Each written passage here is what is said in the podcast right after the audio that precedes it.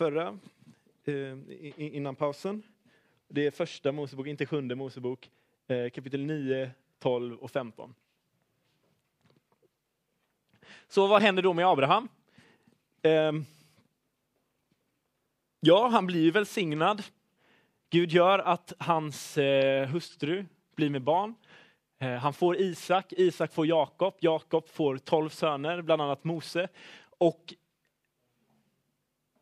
eh, Josef menar jag. eh, Ah, jag försökte komma på något skämt där, men ah, det tog inte. Ah. Okej, okay, jag skulle försöka skämta bort det, men det gick inte. Eh, I alla fall. Um, däribland Josef. Och eh, han, ja, han hamnar i Egypten och på grund av hungersnöd i Kanans land så kommer sen resten av hela familjen dit. Eh, och då vid det laget kanske de är ett hundratal personer med fruar och barn och barnbarn och så vidare. Uh, och sen i Egypten så uh, lever de väldigt, väldigt gott i landet Gosen. Uh, och de förökas alltså och de blir jättemånga. till slut flera miljoner, typ tre miljoner, under, på några hundra år. Um, kanske ungefär en liknande liksom, kurva som vi har sett i Sverige de senaste 200 åren med befolkningstillväxt och så. Jag vet inte, jag har inte gjort någon jämförelse där, men bara slog mig. Um, Ja, i alla fall, nu, nu, är de alltså, nu är de alltså inte bara en person, Abraham, utan en hel familj har blivit då ett helt folk. Och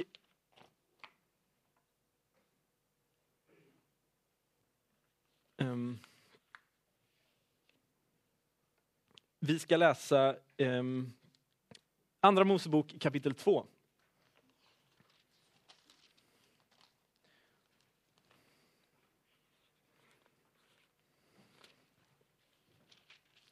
Och det som händer är att, ah, som jag sa, de lever gott, men sen så kommer det en farao som inte minns vad Josef har gjort åt Egypten, som inte minns den favör som, som eh, eh den förre farao hade visat mot Josef och som blir avundsjuk mot folket eh, eh, och, och, och, som istället eh, vill, eh, eh ja, vill dem illa helt enkelt.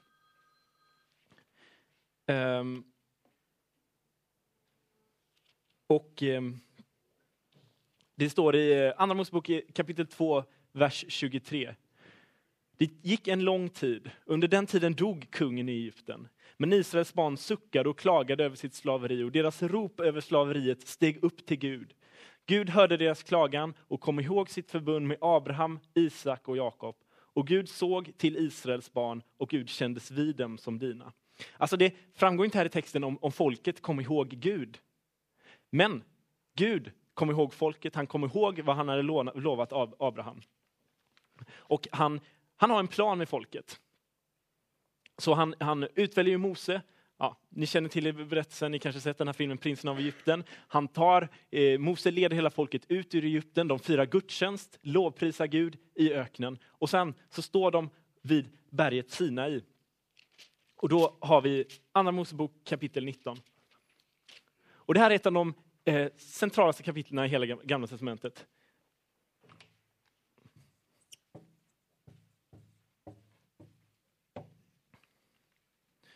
Och det är vid det här tillfället som Gud utvidgar sitt förbund med Abraham till att inte bara omfatta Abraham utan hela folket. Och eh, vi läser verserna 1 till 8. Är det någon som vill göra det? Någon från den här sidan? Eh, någon ledare? Eh,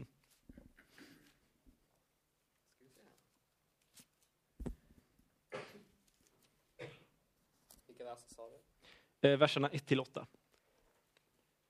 På den dag då den tredje månaden började efter Israels barns uttåg ur Egyptens land kom de till Sina i öken. De bröt nämligen upp från Refidim och kom till Sina i öken och slog läger i öknen. Israel slog läger där mitt emot berget och Mose steg upp till Gud. Då ropade Herren till honom uppifrån berget så ska du säga till Jakobs hus, så ska du förkunna för Israels barn. Ni har själva sett vad jag har gjort med, med egyptierna och hur jag har burit er på örnvingar och fört er till mig. Och det här är en väldigt central vers, vers 5. Ja. Om ni nu hör min röst och håller mitt förbund ska ni vara min dyrbara egendom framför alla andra folk. ty hela jorden är min. Ni ska för mig vara ett rike av präster och ett heligt folk. Detta är vad du ska tala till Israels barn.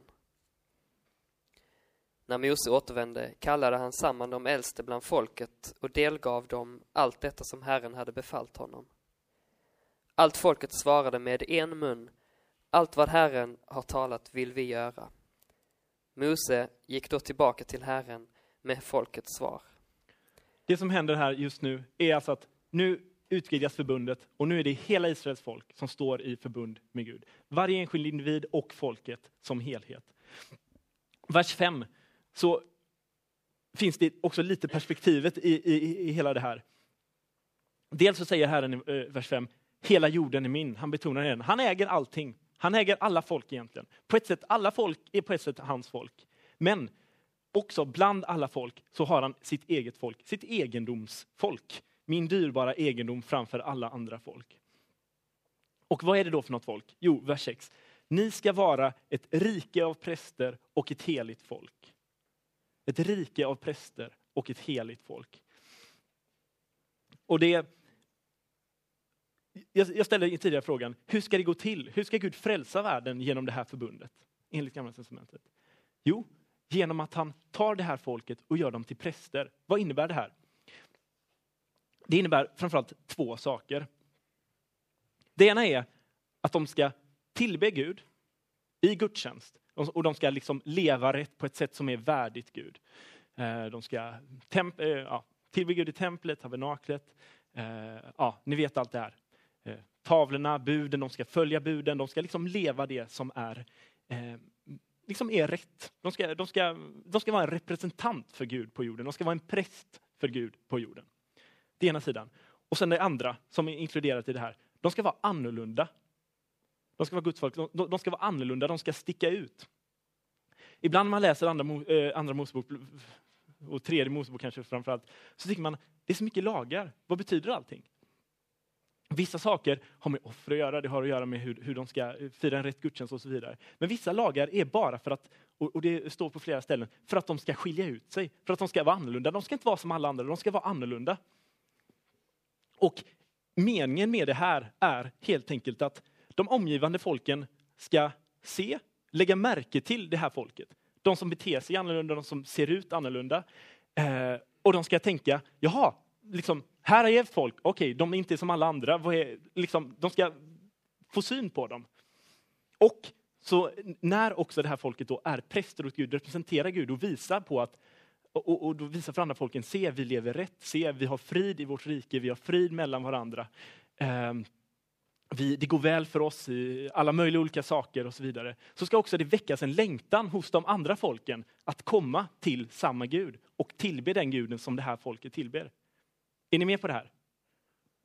Alltså de ska vara annorlunda så att folk ska lägga märke till dem. Och när de lägger märke till dem så ska de peka på Gud. De ska vara en representant för Gud, en präst liksom för Gud, eller ett prästerskap eh, för Gud. Och det, här kanske kan verka lite besynnerligt eller lite konstigt, men egentligen, det, är egentligen, det enda vi ser det är att Gud han verkar i sin trofasthet för att föra alla människor tillbaka till honom. För att vända människors, eh, alltså alla människors blickar till honom människors uppmärksamhet till honom, dra människor tillbaka till honom. Eh, eftersom Gud, han är inte likgiltig inför ondska, han är inte likgiltig inför synd, han är inte likgiltig inför våra problem, våra, alltså rent allmänt eh, också, också idag. Liksom. Han är inte likgiltig för allting som vi går igenom, det svåra, det jobbiga, utan han vill ta, tu, ta itu med synden, ta tag i den och liksom eh, eh förstöra den. Och han vill göra det genom det här förbundet. Um. Och det här förbundet det har Israel då med, med Gud. Eh, de sluter det här vid Sinai, i, i, vid Sinai och profeterna och många historiska böcker pekar ofta tillbaka till det här. Tänk på Sinai, tänk på förbundet ni har ingått med Gud. Liksom. Ehm, och de, de, eh, de vandrar genom öken och sen till slut kommer de fram till Kanans land och innan de ska gå in i Kanans land så står de på Moabs hedar eh, på andra sidan Jordan, öster om Jerusalem. Eller öster om Israel, dagens Israel ungefär. Och då förnyar de förbundet och säger, Gud du har tagit oss genom hela öknen, nu ska vi gå in i löfteslandet. Så förnyar de förbundet. Så kommer de in i landet, de, de erövrar det, de befäster det som sitt eget och de förnyar förbundet. Och de säger, Gud, du är vår Gud och, och vi är ditt folk. Det här förbundet och, och, och, och, och sådär. Um, sen um, är, är det, det, det, finns ändå, och, och, ni kanske har hört det här i konfirmandundervisning och så också, det finns, en, det finns en brist i det här förbundet. Och det är helt enkelt folkets eh, fallenhet och vår egna fallenhet, människans fallenhet, vårt avfall från Gud. Att vi inte klarar av att, att, att, eh, att, eh, att, leva på ett sätt som är värdigt Gud egentligen. Um, och därför så behöver det här förbundet förnyas om och om igen. Eh, under domartiden, vi kan läsa under domartiden, så är det ett jättestort avfall i Israels land. Och domarna de kommer för att föra människor, Eh, föra folket tillbaka till förbundet för att de ska förnyas. Till exempel under profeten Samuel så sker det en stor samling av hela folket och man förnyar förbundet och säger ah, men nu, ska vi, nu ska vi ta tag i det här igen. Och så faller eh, eh, folket igen. och eh, ja, Under massa olika kungar, rättfärdiga kungar så sker också en förnyelse av förbundet. Jag nämnde tidigare eller gjorde det? Ja, i alla fall. Hiskia, Josia, Asa och så vidare. Um, Elia, en profet, han drar tillbaka folket, påminner folket om förbundet. Eh, Esra och Nehemja, det också, handlar också om att dra folket tillbaka till förbundet. Men folket faller tillbaka. De faller. Um, och en, en sak som är verkligen tydlig i det här är ändå Alltså Gud är verkligen trofast i sitt förbund. Han överger inte folket. Han lämnar inte det. Han säger fortfarande, ni är mitt folk. Ni beter er verkligen som Eh, svin, höll på att säga. Det, det, säger ju inte Gud. Liksom. Men, eh, men alltså, alltså, ni beter er verkligen illa. Ni lever verkligen på ett sätt som är så ovärdigt mig. Men Gud är ändå trofast till sitt förbund, trots att folket avfaller. Um, och han ger dem landet, han ger dem välsignelse och så vidare. Uh, um, men så kommer man då till den punkten man kan fråga sig, och på ett sätt, det här är verkligen en allvarlig utmaning till oss idag. Alltså hur långt får det här smädandet av Gud gå? Hur långt kan folket gå innan Gud säger att det här fungerar inte längre? Eh, vi måste bryta det eller något i den stilen. Ehm, nu händer det aldrig. Gud bryter nog egentligen aldrig riktigt förbundet. Men, men i alla fall, folket de, de var Guds folk, men de levde i synd. De tillbad massa avgudar. De gav Gud ett dåligt namn. De skulle visa på Gud inför de andra folken, men de gör inte det. De avfaller trots Guds godhet. Och på något sätt, någonstans, Gud bryter inte förbundet, men det finns ändå en gräns. liksom. Det finns inte en gräns på Guds godhet, men på hans, ja, egentligen på hur långt Guds namn kan smädas. Är ni med på det? Um.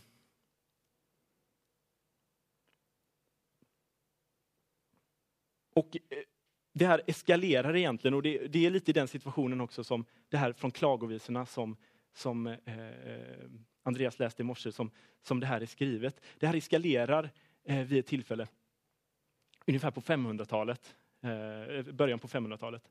Eh, bakgrunden är den att Gud han har lovat kung David ett evigt rike. Det står i Andra Samuelsboken 7. Eh, han säger till, eh, till David, eh, det ska alltid sitta en ättling på din tron. Alltid. Jag ska alltid låta det sitta en ättling på din tron, en Davids ättling. Eh, vi kristna idag vi ser ju att aha, David är hmm, så lämpligt. Eller liksom, David är förfader till Jesus. Hmm, så lämpligt liksom. Men i alla fall, folket här de, de är liksom stensäkra på det. De, de, känner till det här löftet. Det ska alltid vara en Davidsättning på tronen. Så det spelar ingen roll om fienderna kommer. Liksom. Gud kommer rädda oss. Vi behöver inte bry oss så mycket. Vi behöver inte vara så noga med att leva rätt. Eh, vi behöver inte vara så jättenitiska och försvara oss, utan Gud kommer rädda oss. Och så kommer vi då till den här gränsen som jag pratade om tidigare. Och Gud straffar dem. Han överger dem inte, men han straffar dem och skickar iväg dem till Babylon. Alltså Gud hade verkligen gett David ett, ett evigt löfte. Men folket litade så mycket på det så att de inte brydde sig om sina egna förpliktelser. Och Gud skickar dem till eh, Babylon. Kung Nebukadnessar han kommer in, han slår ner hela Jerusalem, han pajar templet. Liksom eh, liksom den centralaste platsen för judarnas tillbedjan, där de verkligen möter Gud. Allting är helt nedraserat. Och det Andreas läste i morse, det är ändå Guds nåd att det inte är ute med oss. Som jag tror det är Jeremia han skriver i klagovisorna. Det är just den här situationen. Allting är förstört, allting är förlorat, allting, allting, allting som var viktigt är förlorat. men Guds nåd det är inte, ändå på något sätt inte ute med oss. Profeten säger det. Och i den här situationen så börjar de gamla testamentliga profeterna mer och mer tala om ett förnyat förbund. Ett nytt förbund, ett förnyat förbund, någonting längre fram, någonting som är fullkomligt, någonting som inte brister på grund av folkets synd liksom, eller folkets fallenhet, utan eh, verkligen, någonting som verkligen kommer fungera. Någonting som verkligen kommer visa Guds trofasthet. Um, och eh, jag vill att ni slår upp eh, Jesaja kapitel 54. Så står det så här i verserna 9 och 10. Jag ska göra som vid Noas flod. Liksom jag svor att Noas flod inte mer skulle komma över jorden, så svär jag att inte mer vredgas på dig eller bestraffa dig. Om en bergen viker bort och höjderna vacklar skall min nåd inte vika från dig och mitt fridsförbund inte vackla, säger Herren din förbarmare. Jesaja han profeterar in i den här situationen när folket är i exil, när allt är förlorat. Men säger då, talar Guds ord till folket och säger, mitt frisbund ska inte vackla. Aha, det ska ändå ske någonting mer i framtiden. Aha. Det står längre fram i Jesaja kapitel 56, lite mer om vad det här friförbundet ska vara för någonting. Vi läser verserna 3 till 8. Den främling, alltså inte den jude, inte Guds egen folk, utan den främling som sluter sig till Herren ska inte säga, säkert kommer Herren, Herren att skilja mig från sitt folk. Inte heller ska enucken säga, alltså enuckerna, de var inte judar, de var eh, ja, såna här hovtjänstemän i Etiopien eller vad det är. Eh, jag är ett förtorkat träd. Alltså, I de, de ska inte säga jag är inte värd någonting, jag tillhör inte eh, Guds utvalda. Egentligen. Eh, Ty så säger Herren, det är nucker som tar vara på mina sabbater, som väljer det jag finner glädje i och håller fast vid mitt förbund. Åt dem skall jag i mitt hus och inom mina murar ge ett minnesmärke och ett namn. En välsignelse som är bättre än söner och döttrar. Jag ska ge dem ett evigt namn som inte skall utplånas. Det är främlingar som har slutit sig till Herren och som vill tjäna honom och älska Herrens namn. Jag som vill vara hans tjänare, alla som tar vara på sabbaten så att de inte ohelgar den och som håller fast vid mitt förbund. Dem ska jag föra till mitt heliga berg. Jag ska ge dem glädje i mitt bönehus. Deras brännoffer och slaktoffer ska bli godtagna på på mitt altare. Till mitt hus ska kallas ett bönens hus för alla folk. Det Jesaja talar om här är ett förnyat eller ett nytt förbund. Någonting som är annorlunda mot Abrahams och Moseförbundet. Hur vet jag det? Jo, för att det som var vid Sinai, det var förbehållet Israels folk. Det var inte för judarna, det var, eller det var inte för främlingarna, det var inte för inukerna. de andra. Liksom. Inuckerna det är liksom en symbol för alla andra på något sätt. Eh, utan det här, det kommer ett förnyat förbund och det ska inte bara vara för judarna, utan det ska vara för hela världen. Um, och eh, ni kan slå upp profeten Hesekiel. Efter Jesaja kom Jeremia, efter Jeremia kommer klagovisorna, efter klagovisorna kommer Hesekiel. Kapitel eh, 11, verserna 19 till 20. Och profeten eh, Hesekiel han talar också in i den här situationen när folk har blivit utslaget. Nebukadnessar har slagit ner staden, slagit ner templet, allt är förlorat och så vidare. Och så vidare. Och då säger Hesekiel, jag ska, eh, säger Hesekiel, Guds ord till folket, jag ska ge dem ett och samma hjärta och en ny ande ska jag lägga i deras bröst. En ny ande. Jag ska ta bort stenhjärtat ur deras kropp och ge dem ett hjärta av kött. För att de ska vandra efter mina stadgar, hålla mina bud och följa dem. De ska vara mitt folk och jag ska vara deras Gud. Alltså Hesekiel talar om att det ska komma en ny hjärta, en ny ande som ska göra att det går att följa de här lagen, lagarna. Att det går att hålla sig i förbundet med Gud. Ehm, vi kan också läsa Hesekiel 37, vers 12 till 14. Profetera därför och säg till dem, så säger Herren, Herren, jag ska öppna era gravar, låta er, mitt folk, komma upp ur era gravar och låta er komma till Israels land. Ni ska inse att jag är Herren när jag öppnar upp era gravar för er, mitt folk, upp ur dem. Jag ska låta min ande komma in i er så att ni får liv. Jag ska låta er få bo i ett land och ni ska inse att jag, Herren, har sagt det och att jag har gjort det, säger Herren.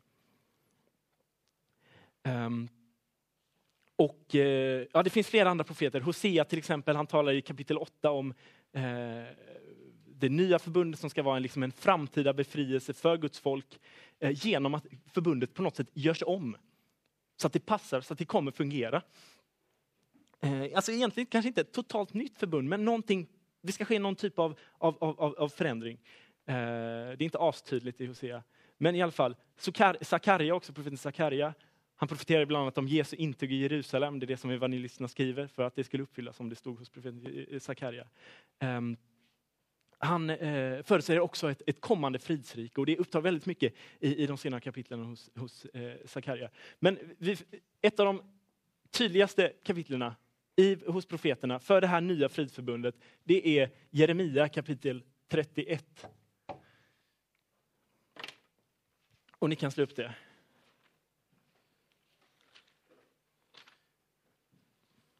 Det ligger efter Jesaja, um, ja, före Hesekiel.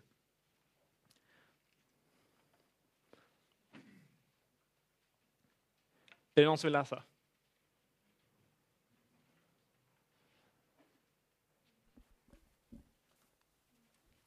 Uh, du? Uh, du? Uh. Vänta, vänta,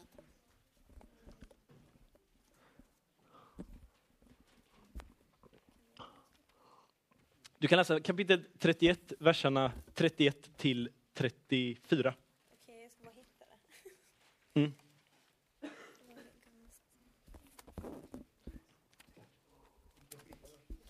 Mm. Eh, kapitel 31, vers 31. Se, dagar skall komma, säger Herren, då skall jag, då jag, då jag skall slita ett nytt förbund med Israels hus och med Juda hus inte ett sådant förbund som jag slöt med deras fäder den dag då jag tog dem vid handen och förde dem ut ur Egyptens land.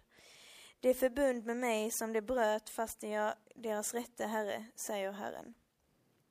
Nej, detta är det förbund som jag efter denna tid skall sluta med Israels hus, säger Herren. Jag skall lägga min lag i deras inre och skriva den i deras hjärtan. Jag skall vara deras Gud och det skall vara mitt folk. Då skall de inte mer behöva undervisa varandra, ingen sin broder och säga, lära känna Herren. Eh, ty alla skall känna mig från den minsta, minste bland, bland dem till den störste, säger Herren. Ty jag ska förlåta deras missgärningar och deras synder ska jag inte mer komma ihåg. Mm, tack. Alltså inte ett förbund som eh, Herren slöt med dem eh, som var eh, vid Sina i berg, som det står där i, i, i vers 32, som de bröt trots att Herren var deras rätta Herre. Utan ett nytt förbund. Och eh, jag ska återkomma till det här, men bara eh, eh bläddra fram till kapitel 33 i Jeremia. Vers 23.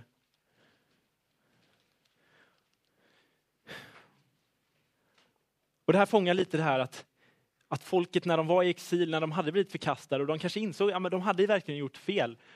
Eh, och då fångar de också det här kanske eh, känslan av att har Gud övergivit oss för alltid?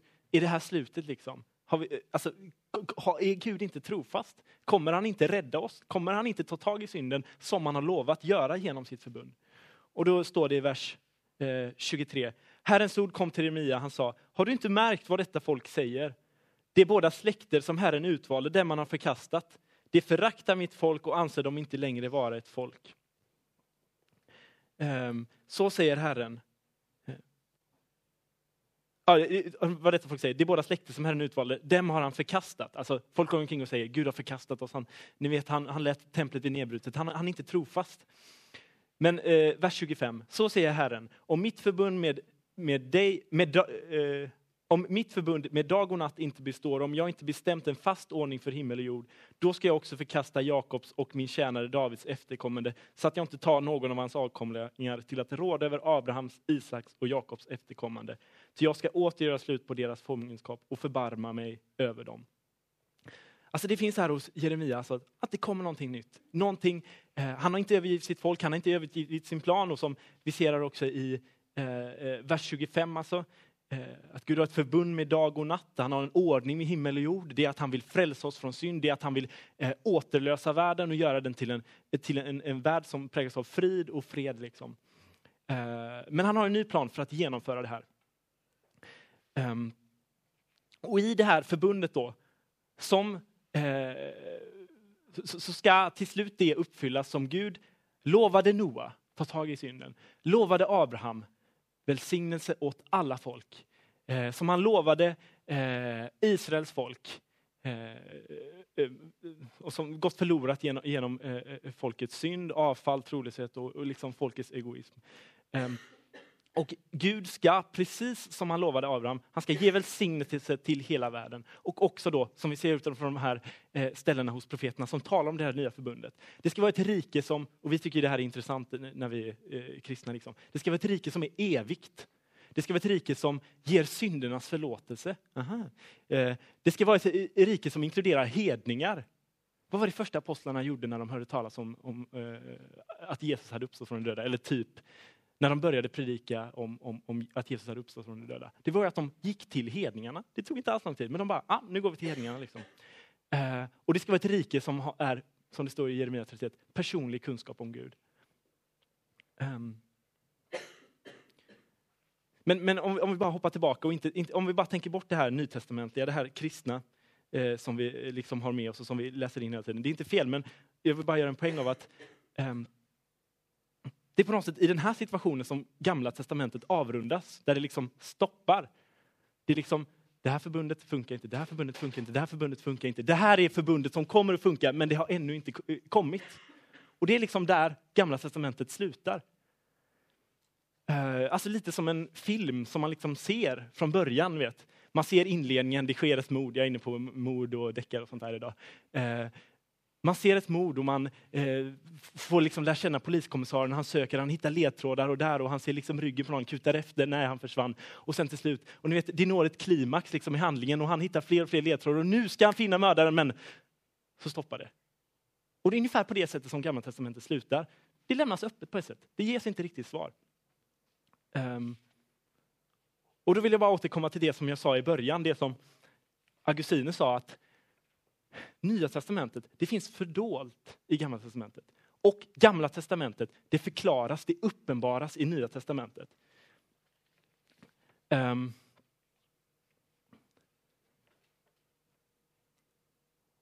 och i, eh, det är väldigt, väldigt, väldigt intressant att en av de tidpunkterna i historien när Israels folk var som mest uppfyllda att snart kommer det nog faktiskt hända. Snart kommer det här nya fridsriket bryta in. Snart kommer det hända. Det är runt år noll, när romarna är i landet. När de bara längtar och längtar. Liksom. Snart kommer Messias snart. Kommer räddningen snart. Kommer det nya fridsriket snart. Och då föds Jesus. Och vi på något sätt, eh, historien liksom eh, förklaras. Eh, och vi som är vi, när vi läser Nya Testamentet, så ser vi, eh, Nya Testamentet så ser vi Gud har varit trofast. Han har inte övergivit sitt folk trots att de har övergivit honom. Eh, utan Gud har verkligen eh, varit trofast. Eh, idag så, vi kristna, om vi tillhör Jesus, så vi tillhör ett rike som är evigt. Vi är inte utan hopp i den här världen. Vi är inte utan hopp om att eh, alla de svårigheter, de saker som vi tycker är jobbigt, i våra egna liv, i vår familj, det vi kanske vi ser i världen. Vi är inte utan hopp att det kommer att förlossas, att det kommer att försvinna. Att vi eh, kommer se en värld som är fridfull. Liksom. Eh, utan vi, vi, vi, det, det, kommer ske. Liksom. Och vi, också, vi har syndernas förlåtelse. Guds godhet, verkligen, det är verkligen Guds godhet mot oss. Att våra, vi kan få våra synder förlåtna. Gud ser i nåd till oss. Han har så öppna armar mot oss. Han är 100% för oss. Alltid för oss. Ehm, och Guds trofasthet som vi ser i Gamla Testamentet, den är ju samma i Nya Testamentet och den är samma mot oss idag. Gud, han söker nya vägar för att finna oss. Han söker nya vägar för att genomföra sin plan, att utplåna ondskan, att utplåna synden. Ehm, vi sviker, Gud väljer en ny väg, söker oss på nytt. Vi sviker, men Gud finner oss. Eh, och jag tror att eh, jag avrundar där.